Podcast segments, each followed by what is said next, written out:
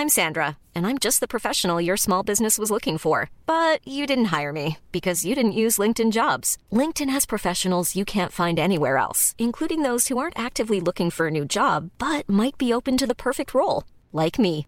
In a given month, over 70% of LinkedIn users don't visit other leading job sites. So if you're not looking on LinkedIn, you'll miss out on great candidates like Sandra. Start hiring professionals like a professional. Post your free job on linkedin.com/people today. Halo, aku Iren Evita. Terima kasih sudah mengunjungi dan mendengarkan podcast Dongeng Tidur. Kenangan masa kecil apa yang terlintas pertama kali di benak kamu sekarang? Kalau aku, saat di mana aku adalah anak SMP. Saat itu, Nintendo kan lagi hype di Indonesia, dan memang seru game-game di dalamnya. Bukan lagi game yang cuma pencet tombol, terus nanti lingkaran kecilnya kedorong ke udara, dan kita berusaha masukin lingkaran kecil itu ke lumba-lumba. Aku lupa nama permainannya apa. Nah, dari situ berangkat ke Tetris yang ada di dalam brick game Gamebot. Lalu ke PS, lalu ke Nintendo. Benar gak sih urutannya? Tapi itu sih yang ku ingat. Ketahuan deh aku umur berapa. Nah, balik lagi soal pengalaman masa kecilku.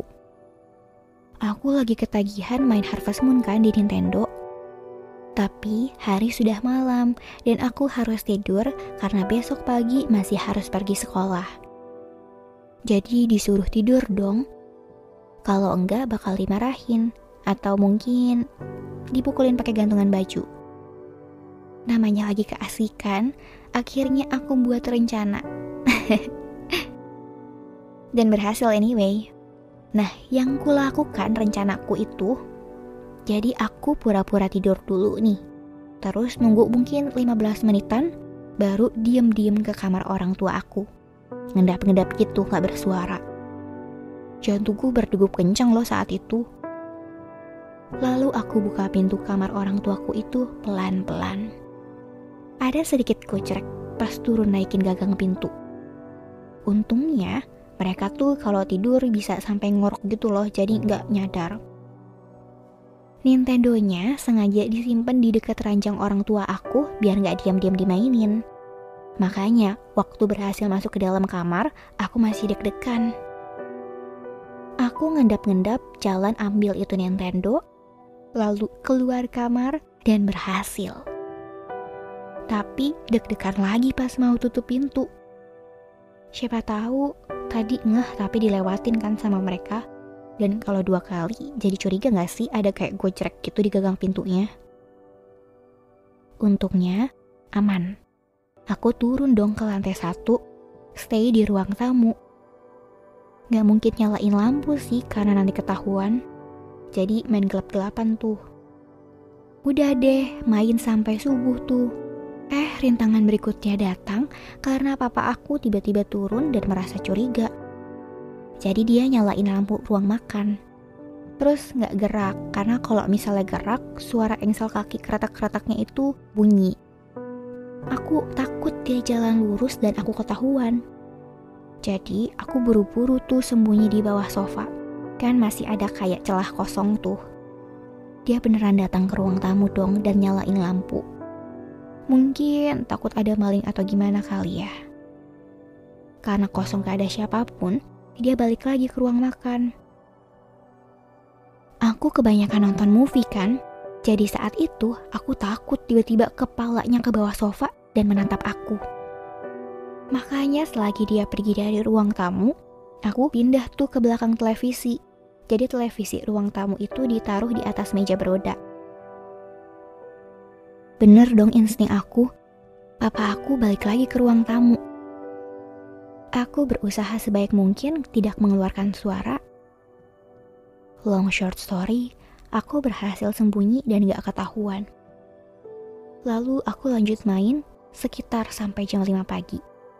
Baru aku memutuskan selesai main dan naik lagi ke kamarku di lantai 2 lalu tidur.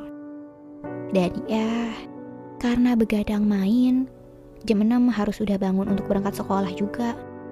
Jadinya ngantuk banget deh sepanjang hari. Nanti kamu juga ceritain ya kenangan masa kecil apa yang sekarang terlintas pertama kali di benak kamu. Kalau begitu, malam ini aku memilih dongeng penyumpit dan putri malam. Semoga lekas tidur dan bermimpi indah. Pada zaman dahulu, hiduplah seorang pemuda bernama Penyumpit. Ia hidup sebatang kara di sebuah rumah kecil milik orang tuanya. Orang tua penyumpit telah lama meninggal dunia. Semasa hidup, ayah penyumpit sering berutang kepada seorang kepala desa bernama Pak Raja. Pak Raja adalah orang yang kaya raya, namun jahat dan licik. Utang ayah penyumpit tidak pernah lunas karena Pak Raja selalu melipat gandakannya. Kedua orang tua penyumpit telah tiada. Namun utang-utang ayahnya tak kunjung terlunasi. Sebagai anak yang berbakti pada orang tua dan berusaha membalas budi kepada Pak Raja, penyumpit menjaga sawah milik Pak Raja yang berbulir-bulir padinya sudah mulai menguning ia harus menjaganya siang dan malam. Suatu hari, Pak Raja meminta penyumpit datang ke rumahnya. Ia hendak membicarakan tugas yang harus dikerjakan penyumpit beserta peraturannya. Penyumpit pun datang dengan setengah berlari menghadap Pak Raja. Hai penyumpit, pergilah kamu menjaga sawahku Aku tidak akan membayar sepeser pun karena ayahmu masih berhutang kepada aku. Ketus Pak Raja. Baik tuan, jawab penyumpit. Oh ya, satu hal lagi yang harus kau ingat. Jika sampai sawahku rusak, aku akan menendammu. Kamu harus membayar semua kerusakan itu. Kata Pak Raja kembali dengan gayanya yang memerintah. Padahal Pak Raja tahu kemungkinan besar sawahnya itu dapat dimasuki babi-babi hutan yang dapat merusaknya. Baik tuan, penyumpit menyanggupinya tanpa berkomentar apa pun. Penyumpit pun pergi meninggalkan rumah Pak Raja yang mewah. Ia segera melaksanakan perintah tuannya untuk menjaga sawah yang sebentar lagi akan panen. Ia bekerja siang dan malam tanpa henti. Siang hari, penyumpit menuai padi. Sedangkan malam harinya, ia menjaga sawah agar tidak dirusak oleh babi hutan. Hal ini membuat penyumpit hanya dapat tertidur sebentar saja di pagi hari. Enam hari telah penyumpit lalui dengan lancar untuk menjaga sawah Pak Raja. Pada hari ketujuh, ketika sedang asyik duduk di saung mengawasi sawah Pak Raja, tampak sesosok babi hutan memasuki wilayah persawahan tuannya. Dengan sigap, penyumpit melemparkan tombak yang ia bawa ke arah babi hutan tersebut. Akhirnya, terdengar suara pekikan babi hutan kesakitan. Ternyata mata tombak si penyumpit mengenai kaki babi hutan. Penyumpit pun buru-buru berlari ke arah babi hutan yang terluka. Namun, babi hutan tersebut sudah menghilang. Hanya ada tetesan darah dari tubuh babi hutan itu yang berceceran di sepanjang jalan. Kemudian, penyumpit mengikuti jejak tetesan darah tersebut hingga ke dalam hutan. Ia juga ingin mengetahui letak persembunyian para babi hutan. Wah, di mana letak para babi hutan itu bersembunyi? Aku harus menemukannya. Jika tidak menemukannya, pasti sawah Pak Raja akan dirusak lagi. Kata penyumpit dalam hati. Ketika makin masuk ke dalam hutan, penyumpit dikagetkan dengan berubahnya babi yang ia lukai menjadi seorang putri cantik. Ia pun terdiam beberapa saat karena tidak bisa mempercayai apa yang sedang dilihatnya. Wahai putri cantik, kaukah babi yang terluka tadi? Tanya penyumpit. Benar, akulah yang tadi menjelma menjadi seekor babi. Namaku Putri Malam. Ucap Putri Malam sambil merintih menahan sakit.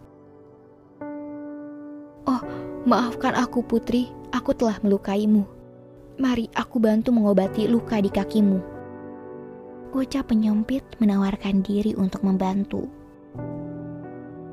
Secara perlahan, penyumpit membersihkan luka dan darah yang mengalir di kaki Putri Malam. Lalu, dengan bantuan buluh atau tanaman berumpun berakar serabut yang batangnya beruas-ruas, berongga dan keras, yang ukurannya sehasta, penyumpit mencabut mata tombak yang menusuk kaki Putri Malam. Putri Malam berteriak menahan sakit. Tunggu sebentar di sini, Putri. Aku akan mencari daun kemunting untuk menghentikan pendarahanmu. Ucap penyumpit. Penyumpit pun pergi dari hadapan Putri Malam untuk mencari daun kemunting. Tidak berapa lama, ia kembali dengan membawa daun kemunting. Dengan segera, ia menumbuk daun itu menjadi halus dan membalurkannya di luka sang putri malam. Keesokan harinya, putri malam sudah bisa berjalan kembali sebagai tanda terima kasih, ia memberikan beberapa bungkusan yang berisi kunyit, buah nyatoh, daun simpur, dan buah jering kepada penyumpit. Wahai pemuda, kamu baru boleh membuka bungkusan ini setelah tiba di rumah. Pesan sang putri. Penyumpit akhirnya kembali ke rumah dan mematuhi pesan putri malam. Setibanya di rumah, ia segera membuka bungkusan tadi. Betapa terkejutnya ia, ternyata bungkusan yang berisi rempah-rempah itu dari Putri Malam berubah menjadi emas, berlian, permata, dan intan. Apa yang terjadi? Rempah-rempahnya berubah menjadi emas, berlian, permata, dan intan. Teriak penyumpit tidak percaya si penyumpit kini menjadi orang yang kaya raya. Kemudian, ia pergi ke rumah Pak Raja untuk membayar semua hutang-hutang almarhum ayahnya. Selain itu, ia kini terbebas dari tindakan sewenang-wenang Pak Raja yang telah memperkerjakannya siang dan malam. Pak Raja keheranan melihat penyumpit dapat melunasi hutang-hutang almarhum ayahnya yang berjumlah besar dan dikali lipat olehnya. Dari mana kamu mendapatkan uang sebanyak ini penyumpit? Jangan-jangan kamu telah mencuri ya? Aku tidak mau menerima harta haram. Ucap Pak Raja dengan gusar. Maaf tuan, saya tidak pernah mencuri dari siapa pun. Ini saya dapatkan dengan halal. Ada seorang putri cantik yang baik hati memberikan ini semua kepada saya, tuan ucap penyumpit menjelaskan. Akhirnya, penyumpit menjelaskan peristiwa malam itu. Ia mengatakan semuanya kepada Pak Raja sampai mendapatkan bungkusan dari Putri Malam yang isinya berubah menjadi barang-barang berharga. Rupanya, Pak Raja pun tertarik mendapatkan harta dengan cara yang mudah. Diam-diam, Pak Raja berniat mengikuti jejak yang pernah dilakukan penyumpit. Ia pun pergi tengah malam menjaga sawahnya dan kemudian menombak babi hutan yang masuk ke sawah. Setelah itu, Pak Raja mengikuti babi yang terluka dan masuk ke dalam hutan. Di dalam hutan, ia mengobati babi hutan yang terluka. Karena tidak terbiasa jaga malam, Pak Raja terserang rasa kantuk. Ia pun tertidur pulas. Setelah itu, apa yang terjadi? Kenyataannya tidak sesuai dengan harapannya. Pak Raja akhirnya mengalami kesialan. Bukanlah putri malam yang ia temui setelah terbangun dari tidurnya, melainkan puluhan babi yang besar-besar menyerangnya. Akhirnya, Pak Raja mati mengenaskan dengan tubuh yang hancur. Berita kematian Pak Raja membuat terkejut keluarganya. Putri tertua Pak Raja menyampaikan kejadian itu pada penyumpit. Alangkah terkejutnya penyumpit mendengar Pak Raja mati karena mengikuti jejaknya menembak babi hutan kemudian menolongnya. Penyumpit pun datang ke rumah Pak Raja. Di sana, ia melihat jasad tubuh Pak Raja sudah tak utuh lagi. Meskipun selama ini Pak Raja selalu berbuat jahat kepada penyumpit, penyumpit tidak pernah dendam. Dengan niat baik, penyumpit berusaha menolong Pak Raja dengan mengucapkan doa dan mantra khusus untuk memohon kembali kehidupan Pak Raja kepada para dewa. Doa penyumpit yang baik hati dan pemaaf akhirnya dikabulkan dewa. Tidak berapa lama kemudian, tubuh Pak Raja menyatu dengan sendirinya. Luka-luka Pak Raja pun sembuh dan ia hidup kembali. Pak Raja tersadar, ia merasa malu kepada penyumpit karena selama ini ia selalu berbuat jahat. Hai penyumpit yang baik hati, maafkan atas segala kesalahanku. Aku telah berbuat salah kepadamu dan keluargamu.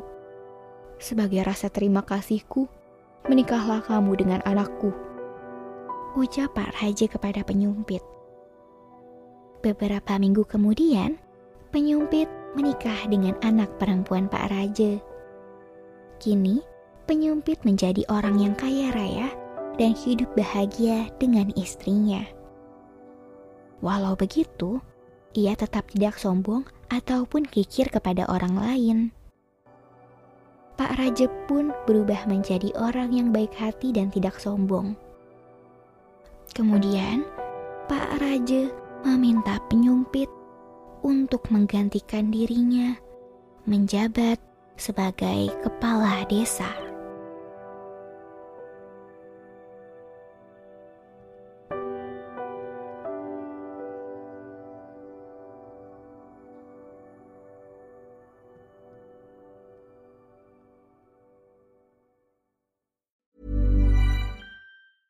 Ever catch yourself eating the same flavorless dinner three days in a row? Dreaming of something better? Well, HelloFresh is your guilt-free dream come true, baby. It's me, Kiki Palmer. Let's wake up those taste buds with hot, juicy pecan-crusted chicken or garlic butter shrimp scampi. Mm. Hello Fresh. Stop dreaming of all the delicious possibilities and dig in at HelloFresh.com. Let's get this dinner party started.